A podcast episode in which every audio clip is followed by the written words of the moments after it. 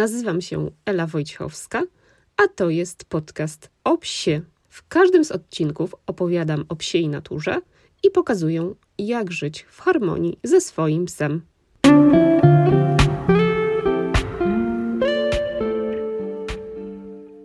Cześć, witajcie w 70. odcinku podcastu o psie.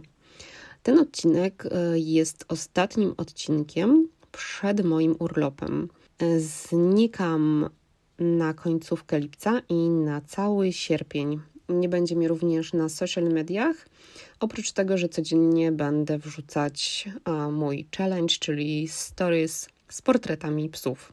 Przez ten miesiąc y, mam zamiar trochę odpocząć, ale również podjąć pewne nowe wyzwania, które sobie gdzieś tam założyłam i chciałabym je zrealizować. Także nie będzie to tylko czas urlopowania i odpoczywania. No, dzisiaj chciałabym poopowiadać o temacie, który będzie kontynuacją ostatniego odcinka, w którym to mówiłam o tym, jak przygotować się na drugiego psa.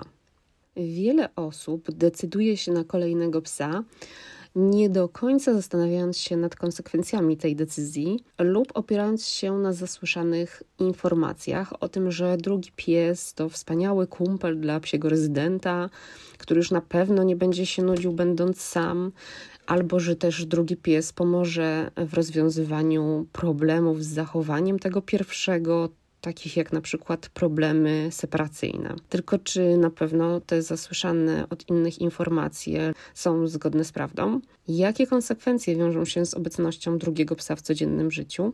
Jakie są wady i zalety takiego wyboru? No, o tym właśnie będzie w dzisiejszym odcinku. A zaczniemy może od zalet. Z racji tego, że psy to zwierzęta bardzo socjalne, potrzebują towarzystwa, lecz nie tylko człowieka, ale również innego przedstawiciela swojego gatunku. I pies wcale nie potrzebuje jakiejś dużej grupy znajomych, wystarczy jeden lub dwóch dobrych kumpli.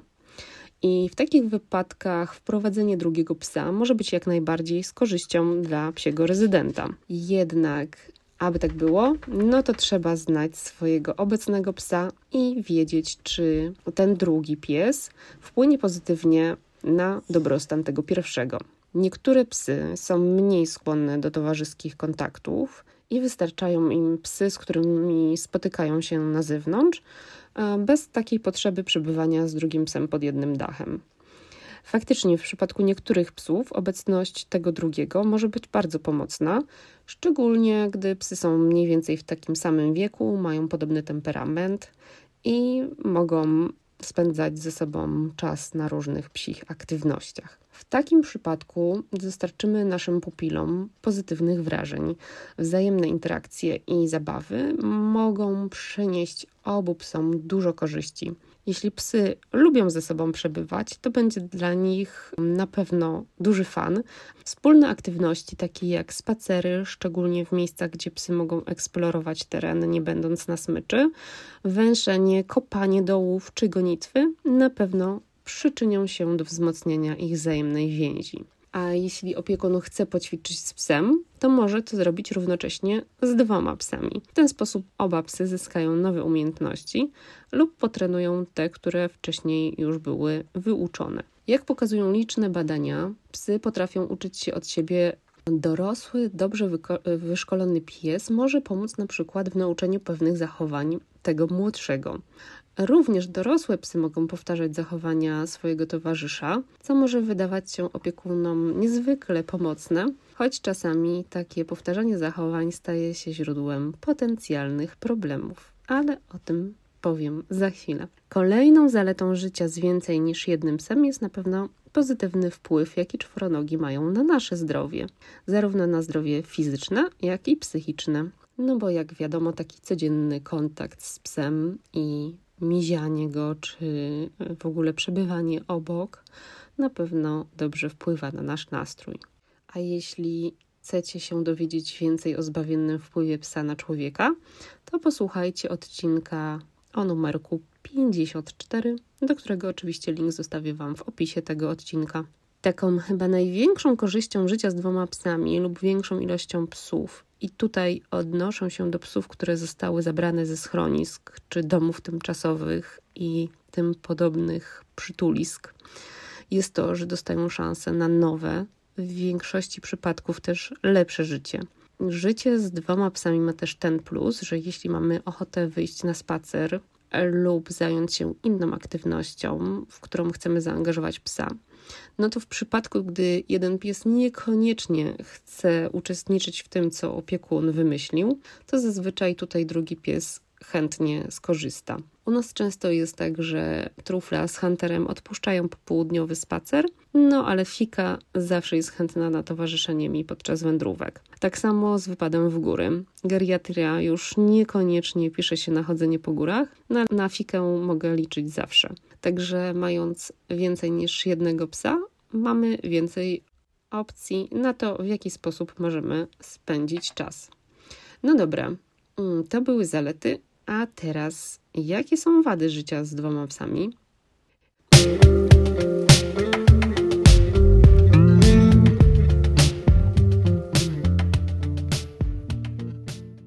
Jeśli uznasz moje treści zawartościowe, to zachęcam Cię do udostępnienia podcastu znajomym, jak również do pozostawienia recenzji lub ocenienia podcastu na 5 gwiazdek na Spotify i Apple Podcast. A jeśli chcesz wesprzeć rozwój mojego podcastu, to postaw mi kawę w serwisie Buy Coffee. Link do serwisu znajdziesz na moich mediach społecznościowych oraz na mojej stronie truflaterapie.pl. Dziękuję, że jesteście i słuchacie.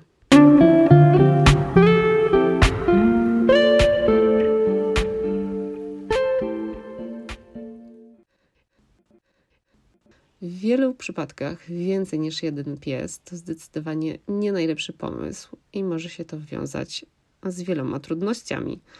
Przede wszystkim yy, główny taki chyba powód to koszty, ponieważ tutaj musimy zapewnić każdemu z psów odpowiednią opiekę weterynaryjną, karmę, akcesoria, zabawki, osobne legowiska, a być może w wielu przypadkach również pomoc behawiorysty.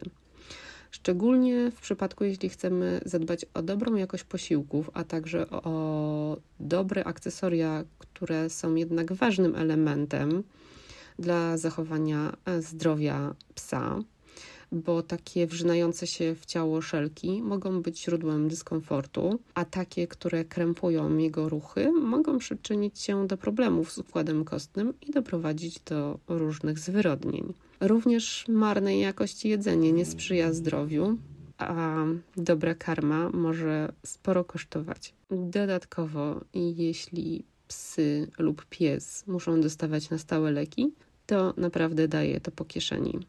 Do tego dochodzą jeszcze koszty szczepień czy odrobaczeń, no i ochrona przed kleszczami. Nie wspomnę już o kosztach leczenia w takich nagłych przypadkach, gdy coś się wydarzy. Trzeba też uświadomić sobie, że każdy z psów wymaga poświęcenia mu sporej ilości czasu i uwagi. I to czasem każdemu z osobna. Wspólne spacery, zabiegi pielęgnacyjne, zabawa, przygotowywanie posiłków, ćwiczenia, ale również sprzątanie po psach. Ja, mając trzy teriery w domu, mam trzy razy więcej sierści wszędzie, a mieszkając z dala od betonu, mam również spore ilości piasku. I to wszystko nie znika pomimo nieustannego zamiatania i odkurzania, bo jak tylko odkurzę, to od razu pojawiają się nowe włosy i nowe zanieczyszczenia na podłodze. No a teriery mają jeszcze tą skłonność, że gdy dostają jakieś smaczki, to pałaszują je na dywanie, no bo przecież kto będzie jadł z podłogi. Także okruchy to u nas norma. Łap do mycia mam 12, a nie tylko 4. Żyjąc z więcej niż jednym psem, Opiekun musi mieć też świadomość tego, że w jego życiu pojawią się pewne ograniczenia. Nie jest tak łatwo pojechać z dwoma psami na wakacje, szczególnie gdy nie jest to biwak lub namiot. Podróżowanie z większą grupą psów może być również uciążliwe, szczególnie gdy nie są one chodzącymi ideałami. Coraz więcej miejsc otwiera się na przyjęcie psów, ale niekoniecznie kilku. Poza tym, tak jak mówiłam w poprzednim odcinku, no nie każdy pies chce mieć kolegę w domu. Osobniki niektóre lubią przestrzeń i lubią samotność i po prostu mogą nie czuć się komfortowo z drugim psem. W takich przypadkach wzrasta ryzyko konfliktów pomiędzy psami, co jest poważnym problemem. Nawet jeśli te psy są dobrze socjalizowane, różnice w charakterach mogą doprowadzić do napięć. Dlatego ważne jest, aby przed podjęciem decyzji o kolejnym psie wiedzieć, jakie obecny pies ma potrzeby i czy na pewno uszczęśliwienie go psim towarzyszem ma sens. Kolejny minus, który figuruje również w plusach, ćwiczenia i nauka nowych zachowań. Nie jest to wcale takie proste do ogarnięcia, i w przypadku dwóch lub więcej psów nauka zachowań może być utrudniona. Często umiejętności psów są na różnych poziomach, no i podczas takiej sesji treningowej jeden pies może po prostu się frustrować lub zachowywać nie tak, jak oczekuje od niego opiekun, i tutaj brak doświadczenia opiekuna w nauce zachowań może dodatkowo potęgować problem i stworzyć niepotrzebnie konfliktową sytuację pomiędzy psami. A psy, pomimo tego, że tak świetnie się od siebie uczą, to najczęściej uczą się od siebie tych niepożądanych przez opiekuna zachowań. Szczekanie, skakanie na gości, niszczenie przedmiotów czy gonienie samochodów albo dzieci to tylko kilka przykładów. Nadal w psim świecie krąży mit o tym, że drugi pies potrafi uleczyć tego pierwszego z problemów separacyjnych. Najczęściej jednak kończy się to tak, że ten nowo przybyły pies rozwija również wachlarz zachowań związanych z nieumiejętnością pozostawania samemu w domu, kopiując zachowania kolegi. Praca nad problemowymi zachowaniami związanymi z separacją u dwóch psów wymaga nie lada poświęcenia ze strony opiekuna, Dlatego jeśli wasz pies nie potrafi zostawać sam w domu, to drugi pies raczej mu nie pomoże. Najpierw trzeba popracować z psim rezydentem, który boryka się z problemami separacyjnymi i dopiero później zastanowić się, czy drugi pies może zawitać w naszym domu. Choć bywa również odwrotnie, że to właśnie ten drugi pies będzie źródłem problemowych zachowań, które pies rezydent od niego przejmie. No ale tutaj tego nigdy nikt nie przewidzi. No i wreszcie ostatni powód, dla którego życie z więcej niż jednym psem może być trudne, choć akurat ten aspekt może być również rozpatrywany jako pozytyw, a mianowicie mówię tutaj o odejściu psa. Śmierć psa jest ogromnie trudnym przeżyciem dla opiekuna, a trauma pozostaje czasami z nami na dłużej. I drugi pies oznacza to, że i z nim też trzeba będzie się pożegnać w niedługiej przyszłości, szczególnie gdy psy są w podobnym wieku. Z drugiej strony, to ten drugi podejściu pierwszego może złagodzić smutek i zapewnić miłość, spełnienie i towarzystwo, gdy opiekun zmaga się z żałobą. Podsumowując, zanim zdecydujecie się na kolejnego psa, to trzeba to naprawdę poważnie przemyśleć. Wypisać sobie wszystkie za i przeciw. Z jednej strony więcej psów może oznaczać więcej radości i korzyści dla zdrowia opiekuna, ale z drugiej strony oznacza to również więcej obowiązków i potencjalnych wyzwań. Mam nadzieję, że te dwa odcinki podcastu pomogą Wam w podjęciu dobrej decyzji. A dziś żegnam się już z Wami i do usłyszenia we wrześniu. Pa pa!